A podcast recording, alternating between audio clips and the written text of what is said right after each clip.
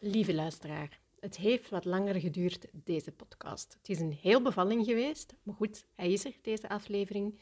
Ik heb verschillende versies bedacht. Ehm, deze is al een iets afgezwaktere dan mijn oorspronkelijke in mijn hoofd. En normaal gezien ben ik echt heel gematigd in mijn podcastopname. Maar voor deze keer ga ik die matiging echt achterwege laten. Voor onze kinderen en voor onze jongeren. Zij zijn het wat mij betreft waard dat ik mijn stem verhef, al is het figuurlijk, want ze krijgen heel wat over zich heen. Ik wil hen dus heel graag een stem geven, want uiteindelijk ondergaan zij het onderwijs, wordt er boven hun hoofd van alles besloten en krijgen ze ook heel vaak stempeltjes um, opgedrukt. En tot mijn grote verbijstering lijken heel wat volwassenen het daar soms ook nog mee eens te zijn, zonder bepaalde zaken in vraag te stellen. Wel, vandaag stel ik zelf graag een aantal zaken in vraag. En ik ga dat dus doen in deze podcastaflevering van Laat Kinderen Stralen. Mijn naam is Vanessa Lauwers en ik ben de founder van Zonnekind en I Care Education, maar in hart en ziel ben ik nog altijd kind- en jongerencoach. Nu misschien eerst even een disclaimer bij deze aflevering. Weet goed, ik heb geen problemen met rekenen, lezen of wat dan ook, of het brein. I love my own brain, maar ik heb wel geleerd hoe ik, het, hoe ik mijn brein voor mij kan laten werken in plaats van tegen mij. Ik onderschat dus zeer zeker niet de kracht van het brein, maar we hebben dat brein voor heel wat meer zaken dan alleen maar lezen, taal, rekenen en dat soort dingen. Ja? En het is net dat dat we eigenlijk kinderen en jongeren niet leren, namelijk hoe dat hun brein werkt. Maar daar ga ik straks nog verder op in. Nu, onze Vlaamse onderwijsminister Ben Wijts laat zich blijkbaar heel graag bijstaan door cognitieve psychologen. Het bijzondere jammere daar is dat um, velen van hen vaak geen of veel te weinig notie hebben uh, van bijvoorbeeld zintuigelijke integratie, concentratievermogen, de executieve functies, um, het lateralisatieproces, de gevoelige breinfase, schoolrijpheid en ga zo maar door. Ja? Nu, laat het nu ook deze mensen zijn die keihard uithalen naar die cognitieve onderprestaties, wat dat zogenaamd naar boven kwam in het PISA-onderzoek, daarover ook dadelijk meer. Wat dat zij, zonder denk ik het misschien ook zelf te beseffen, ook mee veroorzaakt hebben. Ja? Um, en ja, ik heb echt wel een probleem met de overmate cognitieve druk op kinderen en jongeren. Echte ambitie en motivatie, die komt van binnenuit. En als het extern wordt opgelegd, ja, dan wordt het een moedje en dan kan het mogelijk doorslaan in faalangst of zelfs perfectionisme. En dan stel ik mij de vraag, is dat dan zoveel beter? Is het dat dan wat dat we eigenlijk, of wat men eigenlijk wilt? Um, deze podcastaflevering gaat dus niet zozeer over de resultaten van de PISA-test dat er geweest is op zich, of over de manier waarop dat deze werd afgenomen, want daar heb ik ook serieus mijn bedenkingen over. Maar dus met deze podcastaflevering wil ik heel graag een stem geven aan de jongeren um, die die boodschap, hè, dat ze uh, een van de domste generaties ooit zijn, um, daags voor de start van hun examens maar even moesten slikken. Vind ik niet oké. Jongeren die al vaak genoeg struggelen. En uh, ook vorige week dinsdag, uh, uh, 5 december was dat dan, hè, was het ook dezelfde dag in de media, of vooral wat dat ik gelezen heb op VRT Nieuws, um, dat mij ook door aandachtige volgers onder ogen was gebracht, stonden er ook verschillende artikels over de um, ja, slechte mentale toestand zeg maar, van onze jongeren. Maar mm, blijkbaar bestaat er toch geen journalistiek meer die zaken met elkaar in verband brengt. Want niemand legde precies de link tussen dat mentaal welzijn of het afwezig zijn ervan en de mate waarbij je tot leren kunt komen. Nu, ik besef heel goed dat deze podcastaflevering het probleem niet gaat oplossen. Hè? Maar het kan misschien wel een verschil maken voor de jongeren. Dus het staat u volledig vrij om te stoppen met luisteren als je vindt dat ik maar uit mijn nek aan het kletsen ben. Um, als je je aangesproken voelt of geviseerd voelt, weet dan dat dat niet mijn bedoeling is. Maar ik heb me voorgenomen om deze keer ongecensureerd te spreken. En geloof mij, daar denkt mijn eigen monstertje ook wel wat van. Nu, het wordt ook geen aflevering met alleen maar gezeur en geklaag. Dat is absoluut niet mijn bedoeling. Net zoals in alle andere afleveringen tracht ik ook samen met jou als luisteraar te kijken naar hoe dat het anders zou kunnen. Dus alsjeblieft, haal eruit wat dat voor jou klopt, wat dat jij wilt gaan proberen. Je hoeft het dus helemaal niet met mij eens te zijn, maar hou het netjes en stel je gewoon even open. Oké? Okay? Dankjewel. En dat was dan ook meteen het einde van de disclaimer. Goed. Nu, de afgelopen dagen, um, of vorige week vooral, werden we dus overladen met alarmerende krantenkoppen over de teruglopende PISA-resultaten van de Vlaamse leerlingen. Oeh, ja, oh, ik krijg er echt grijze haren van. Maar wat, um, de VRT, ook andere media, stellen dus het niveau van de leerlingen in Vlaanderen, hè, dat dat uh, nog nooit zo snel gedaald is. Oei, oei, shame on you. Maar ik begin dan, daar komt mijn vraagstelling, hm, wat met de leerlingen van Wallonië? Um, is, gaan, hebben we het hier niet over België? Hm? Maar goed. Um, mijn punt is dat ik eigenlijk wel wat meer objectieve en onderzoekende journalistiek had verwacht. Um, waarom dat men niet, gesprek in, niet in gesprek is gegaan trouwens met jongeren zelf. Maar zoals vaak zorgt dus ook de media hier wederom voor een polarisering. En wat dat mij betreft een gemiste kans. Ja. Nu, los van dat hele PISA-onderzoek, waar dat ik het dus niet ga over hebben, verder, um, wat mij nog meer gefrustreerd heeft dan dat onderzoek, is uiteindelijk de uitspraak van een aantal mensen. Een aantal heren die in mijn ogen toch echt beter zouden moeten weten.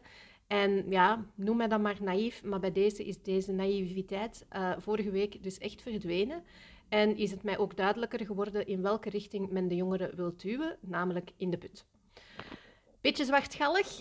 Um, ik weet het niet. Um, degenen die me kennen en, en misschien ook al een tijdje volgen, die weten dat ik over het algemeen echt wel de zaken positief terecht te zien. Maar ja, sorry, het was even weg. Um, ik ben echt wel verbrouweerd geweest over de uitspraken die sommige mensen gedaan hebben, zonder dat ze, ik zal er maar even van uitgaan, zonder dat ze beter wisten. en ik heb mij ook de vraag gesteld, ja, hoe komt dit bij de jongeren binnen?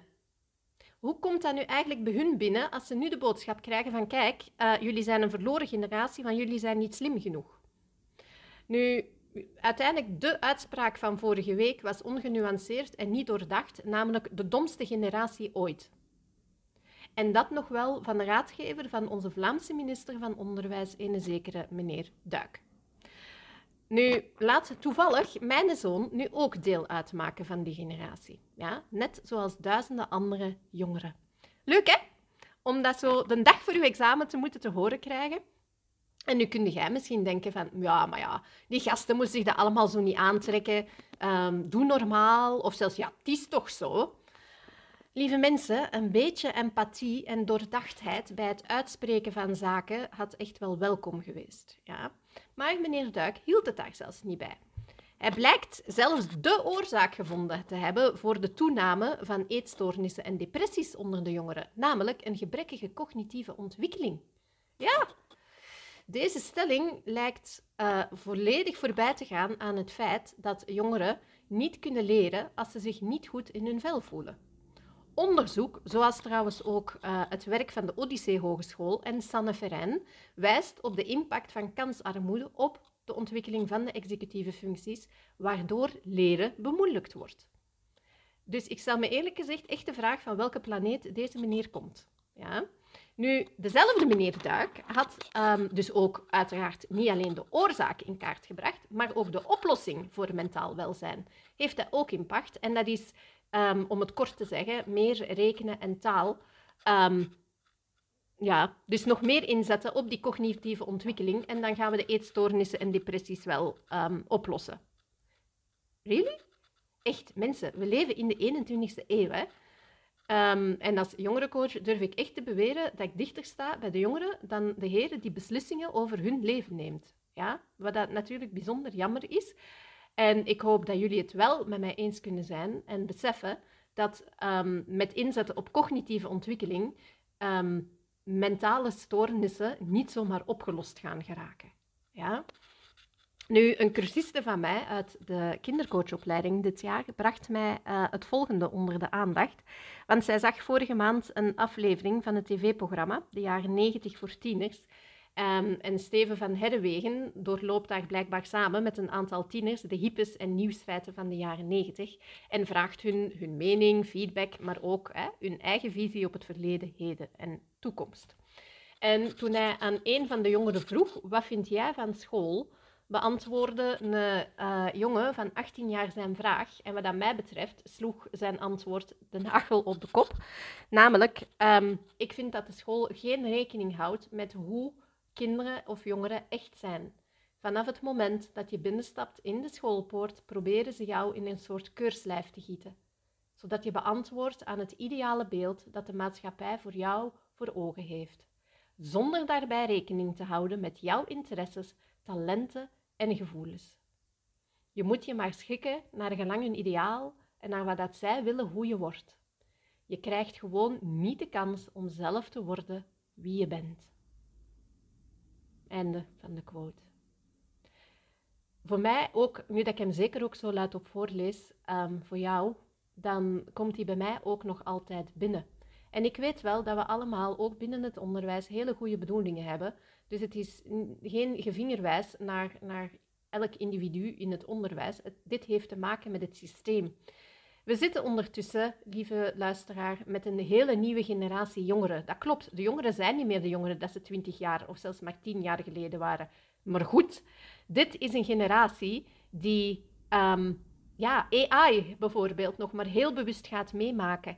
En zeker hun kinderen, ja, voor, um, dus mijn kleinkinderen misschien dan, hè, ja, voor hun gaat AI gewoon de, de meest doodnormale zaak zijn, terwijl dat nu de halve wereld nog in rep en roer staat.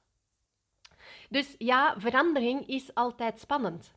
En dat is het net. We weten eigenlijk allemaal al dat het onderwijssysteem dringend aan verandering uh, toe is, maar um, ja, dat wordt heel snel op de rem gestaan. Want verandering wil natuurlijk ook zeggen dat we soms ook onze eigen methodes, onze eigen visie moeten gaan herzien.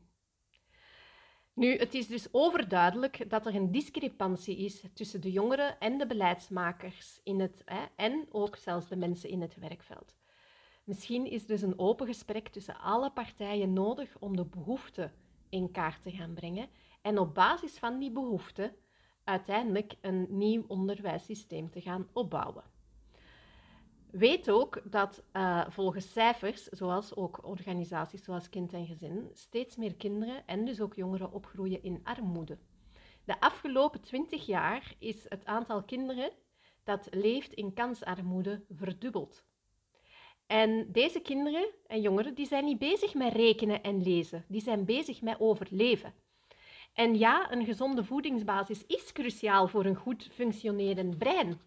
En toch lijkt um, het uh, beleid, zal ik het dan maar even noemen, hè, um, binnen het onderwijs deze essentiële behoeften over het hoofd te zien. Onderzoek van Guy Stevens, um, auteur van het boek Help te veel, hè, uh, sorry, Help te veel kinderen vallen uit, zo is de titel. In zijn boek belicht Guy ook de redenen waarom kinderen en jongeren uitvallen op school en daar reikt hij ook oplossingen aan. Nu, um, ik weet dat het onderwijs echt al jaren probeert te moderniseren, te veranderen, maar zoals Einstein ooit zei, insanity is doing the same thing over and over and expecting different results. Dus de definitie van um, ja, insanity, gekheid, als we het dan maar even zo zullen noemen, is altijd hetzelfde over en uh, opnieuw en opnieuw doen, maar wel een andere uitkomst verwachten. En voor mij is het alsof dat hij het toen al over het onderwijs had. En ja, misschien komt dat even hard binnen, maar ook dat is oké. we proberen wel, maar we doen altijd maar dezelfde dingen en er verandert nooit iets. Dus als we echt willen, maar dan ook echt deep down van binnen willen voor onze kinderen, voor de jongeren, dat er binnen het onderwijssysteem verandering komt, dan gaan we de dingen ook echt anders moeten aanpakken. En dat wil ook zeggen, ook als jij misschien binnen het onderwijs um, actief bent, van, dat je jezelf ook de vraag eens kunt gaan stellen. Hoe kunnen we het onderwijs zodanig veranderen en afstemmen op de kinderen en jongeren van nu, als we maar altijd het gewoon hetzelfde blijven doen? Oké, dus ja, ga eens kijken. Wat zou jij in wezen echt kunnen veranderen? Maar echt veranderen, hè? Dus denk aan de quote van Einstein. En dat kunnen kleine dingen zijn, hè? Het hoeft niet allemaal um, drastisch en, en mega ingrijpend te zijn. Het kan soms al in kleine dingen zitten. Nu, het systeem wil vaak kinderen veranderen, in plaats van te kijken naar wat dat ze echt nodig hebben. Het systeem wil dat het kind zich aanpast aan het systeem, maar wat als het systeem zich eens zou aanpassen aan het kind? Mijn tiener uh, thuis, die krijgt nog altijd knek dezelfde leerstof als ik 30 jaar geleden in het middelbaar. Met slechts enkele cosmetische aanpassingen noem ik dat dan. En eerlijk gezegd, ik dacht nogthans dat er in die afgelopen 30 jaar, zowel onder meer wetenschappelijk als geschiedkundig, heel wat zaken veranderd of geëvolueerd zijn. Maar dat, geeft, dat weerspiegelt zich dus absoluut nog niet in de leerstof dat de jongeren krijgen. Wat dat ook een bijzonder gemiste kans is. Dus wat dat mij betreft mag het systeem veel meer inzetten op inclusie, op uh, diversifiëren, op maatwerken. En dat lijkt soms een brug te ver. En ja, er zijn dus een aantal mensen die heel graag kleine Einsteins willen maken. Maar geloof mij dat als er een mini-Einstein in de klas zit, dat heel veel scholen niet weten hoe dat ze daarmee moeten omgaan. Um, en om misschien nog even terug te komen op uh, meneer Duik zijn uitspraken van afgelopen week. Er was er toch nog eentje dat ook bij mij nog ook blijven hangen is. En dat was zijn afkeer van de zesjespolitiek of de zesjescultuur. Um, hij stelt dus dat iedereen moet streven naar een 9 of zelfs een 10. Ja? Ik stel me dan de vraag of dat hij al gehoord heeft van leerstoornissen, psychische problemen of misschien van het leven. Ouders die scheiden, traumatische gebeurtenissen enzovoort, die impact hebben op het leven, maar dus ook het leren van onze jongeren. Nu, over die zesjescultuur, daar ga ik een afzonderlijke podcastaflevering uh, over opnemen, want Heerlijk Voer heeft hij mij daarvoor gegeven. Nu, gewoon voor nu even kort. Sommige kinderen en jongeren hebben echt fantastisch gekoord met een 6 op 10. Ja? Dus welke boodschap krijgen zij nu? Um, heeft meneer Duik wel eens nagedacht over welke impact zijn woorden zou kunnen hebben op de kinderen of de jongeren zelf? Eerlijk gezegd, ik betwijfel het ten sterkste. Ja. Alle beleidsbeslissingen op onderwijsniveau worden genomen zonder de input van de belangrijkste doelgroep, namelijk de kinderen en de jongeren zelf, hun ouders, maar evengoed ook de leerkrachten, de ondersteuners enzovoorts. Ja. Ik ben er zeker van dat mocht de niveauen politieke toren daar eens beginnen, mee beginnen, hè, met te luisteren naar de mensen en vooral naar de jongeren zelf, dan zou het onderwijs er inderdaad al heel anders kunnen beginnen uitzien. Um, over prestatiedruk trouwens nam ik al twee afleveringen op. Uh, dus die kan je nog altijd beluisteren, mocht je dat uh, willen. Nu, de opkomst van die verbreinisering, noem ik het. Uh, volgens mij krijg daar trouwens met Scrabble kei, een kei goede score voor met dat woord dat ik bedacht heb. Hè. Um, ja, het lijkt, in, in, ja, het lijkt bijna een betovering te zijn die ons blind maakt voor de volledige menselijke ervaring. En ja, die verbreinisering, hè, ik gebruik dat wel een beetje sarcastisch in dit geval, maar dat illustreert wel, wat aan mij betreft, een zorgwekkende trend waarbij de focus zo sterk op dat brein gaat liggen dat andere aspecten van de ontwikkeling totaal verwaarloosd worden. Ja? Nogmaals, ik heb geen problemen met ons brein. Hè. Zoals ik daar straks al zei, ik hou van mijn eigen brein. Maar ik ben me heel bewust van wat dat mijn brein kan en wat dat het misschien ook niet kan. Ehm, hoe dat mijn brein zich ontwikkeld heeft en misschien nog steeds ontwikkelt. Hè? Want ons brein is, uh, heeft, een, hè, heeft neuroplasticiteit. Um, maar dat weten heel veel kinderen en jongeren bijvoorbeeld ook niet. Ja? Nu, um, los daarvan, onze jongeren zijn geen mechanische robotjes. Hè. Zij geen, hebben geen mechanische breinen. Ze hebben emoties, ze hebben sociale behoeften. Um, en ervaringen die allemaal essentieel zijn voor hun welzijn, maar dus ook voor hun leerproces. Um, het gevaar van die ver verbreinisering ligt in het creëren van een beeld van jongeren als louter informatieverwerkers, zonder dus rekening te houden met die unieke emotionele en sociale behoeften, executieve functies. Emotieregulatie, sociaal inzicht worden hierdoor vergeten. En ja, dat leidt dan misschien wel uh, tot wat dat deze heren dan denk ik willen, namelijk een generatie met, uh, die cognitief wellicht hoog gaat scoren, maar die gigantisch gaat worstelen, en daar zijn ze al goed mee bezig, uh, dat was dus ook sarcastisch, op emotioneel en sociaal vlak. Um, dus of dat die verbreinisering de oplossing gaat zijn om inderdaad um, eetstoornissen en depressies op te lossen, ik, sterk daar, uh, ik stel daar ten sterkste heel wat vraagtekens uh, achter. Ja? Nu, executieve functies omvatten vaardigheden zoals planning, organisatie, impulsbeheersing, flexibel denken en er zijn er nog veel meer. Hè?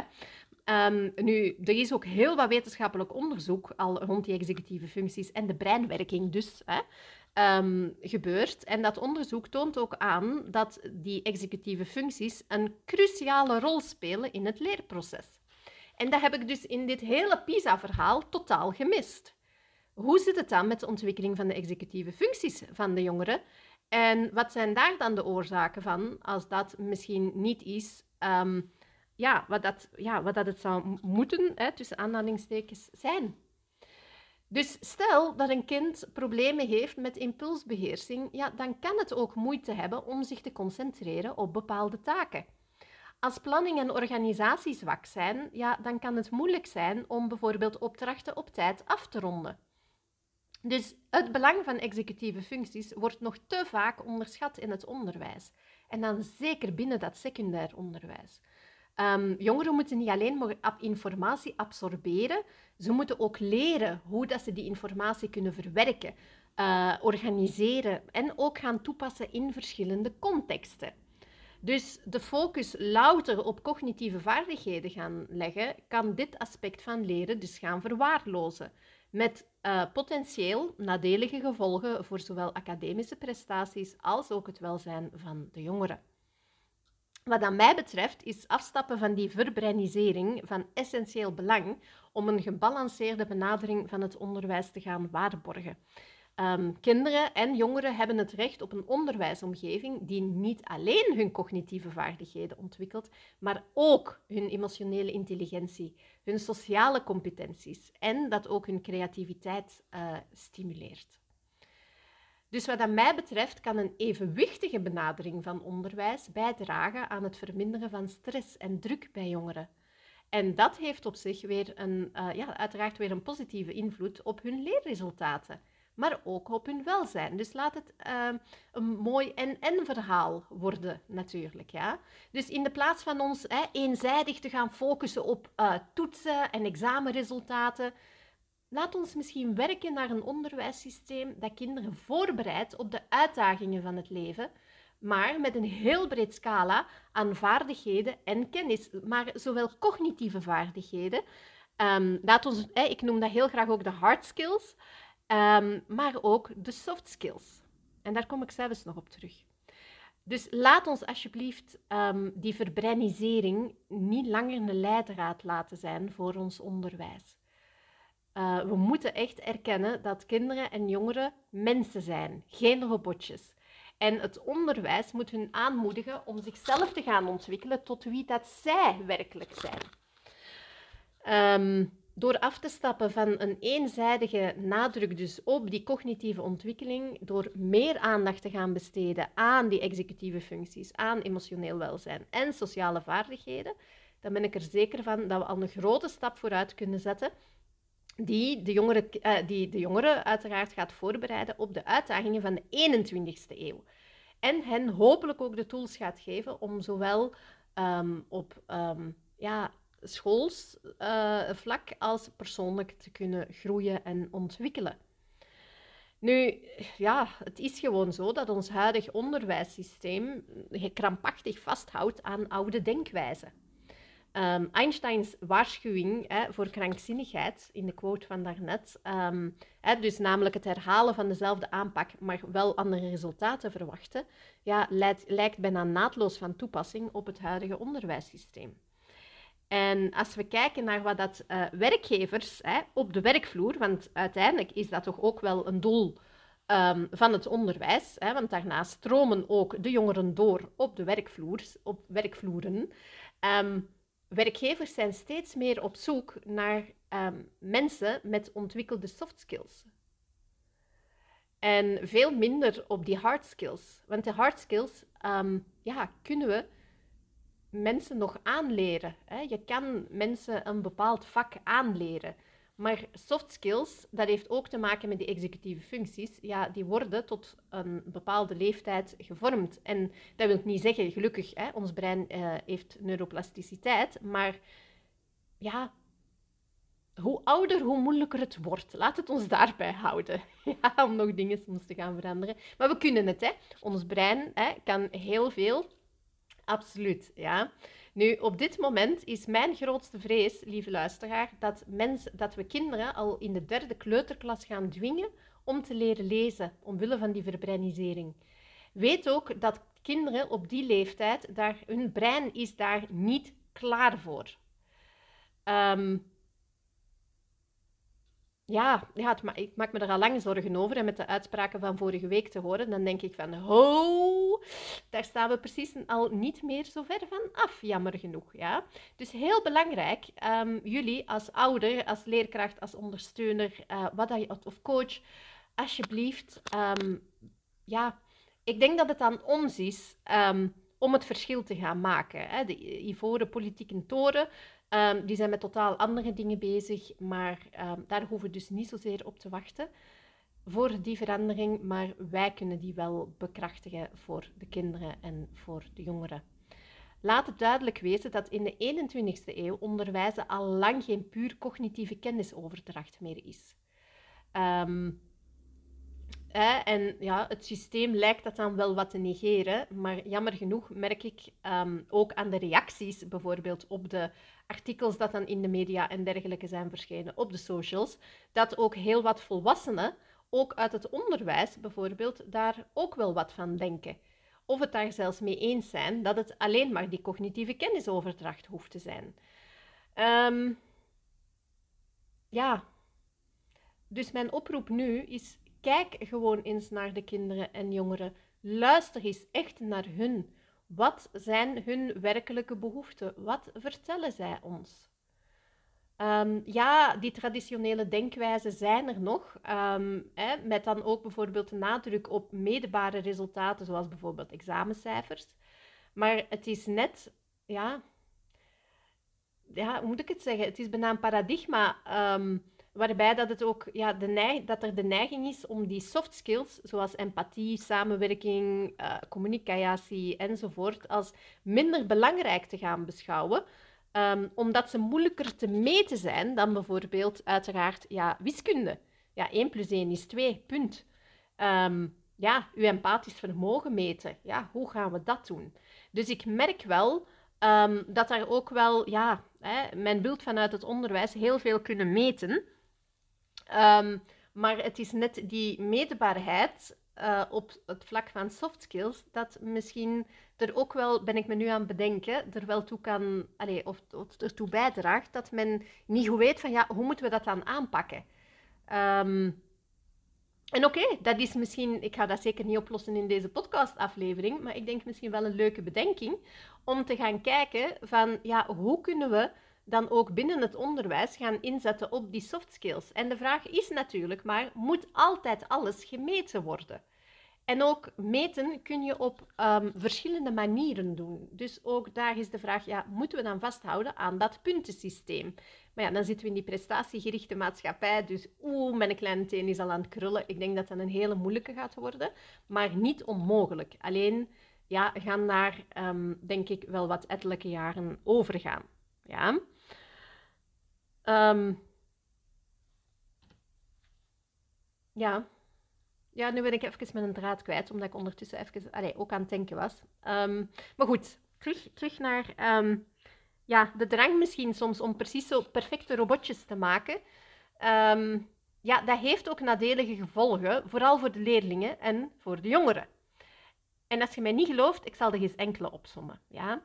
Nu, die uitsluitend uh, exclusieve focus gericht op die cognitieve vaardigheden, dat kan leiden tot studenten die misschien wel uitblinken in die gestandaardiseerde examens en toetsen, maar dat ze uiteindelijk later in het leven moeite gaan hebben om uh, problemen op te lossen in andere diverse situaties. Want alleen met cognitieve vaardigheden komt er niet. Hè? Je hebt ook empathie nodig. Um, je hebt inderdaad ook andere oplossingsgerichte vaardigheden nodig. Je kunt je misschien al inbeelden. Um, als je opeens manager wordt, en ja, daar worden ook natuurlijk heel veel opleidingen in gegeven. Ik heb ook uh, in een ver verleden nog um, managementopleiding gegeven Omdat heel veel mensen gewoon niet weten hoe dat ze moeten managen, hoe dat ze iemand anders moeten aansturen.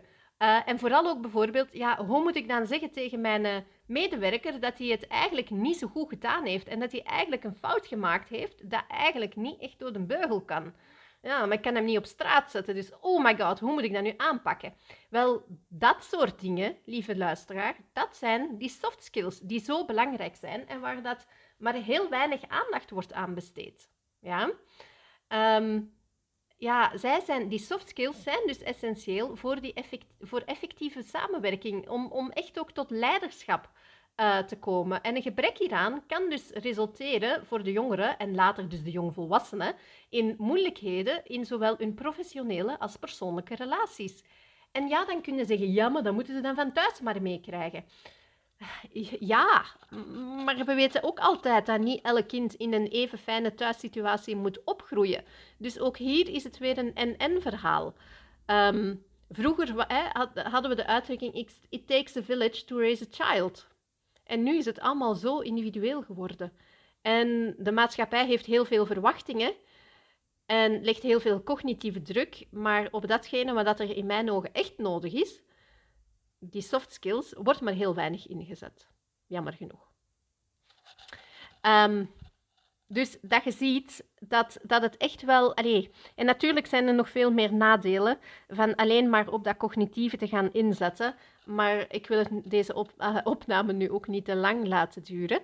Um, dus ja, dat nastreven van hè, de bijna perfecte, tussen aanhalingstekens, hè, robotjes, is eerder een korte termijnvisie die de potentie ook van de jongeren gaat beperken.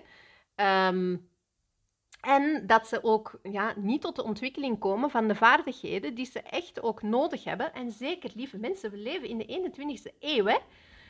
Um, dus voor mij, het is echt tijd voor een verschuiving naar een onderwijssysteem dat op zijn minst, op zijn minst evenveel waarde gaat beginnen hechten aan die soft skills als aan die traditionele academische resultaten en prestaties.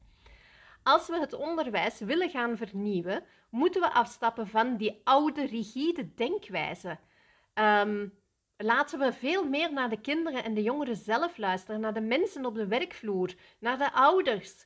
Um, laat ons soft skills gaan benadrukken. Laat ons um, gaan kijken van hoe kunnen we meer op inclusie gaan inzetten, op werken op die individuele behoeften.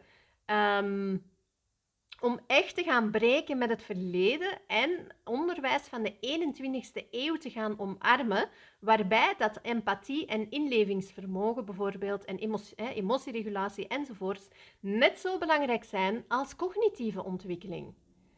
Dus ja, ik kan alleen maar hopen dat jij met mij meedoet. Be the change you want to see in the world. Graag zelfs. En daarmee wil ik toch deze podcastaflevering afsluiten. Ik denk dat ik daar nog zoveel meer zou kunnen op zeggen. En misschien komt dat nog in andere um, afleveringen. Maar voor nu wil ik u gewoon even misschien een beetje wakker schudden. Um, durf kritisch te zijn, absoluut. Um, maar kijk dus vooral naar ja, welke verandering kun jij zijn die jij graag in deze wereld wilt zien. Dankjewel om helemaal tot op het einde geluisterd te hebben. En verwijs zeker naar deze podcast bij mensen waarvan dat je denkt dat het hun kan inspireren.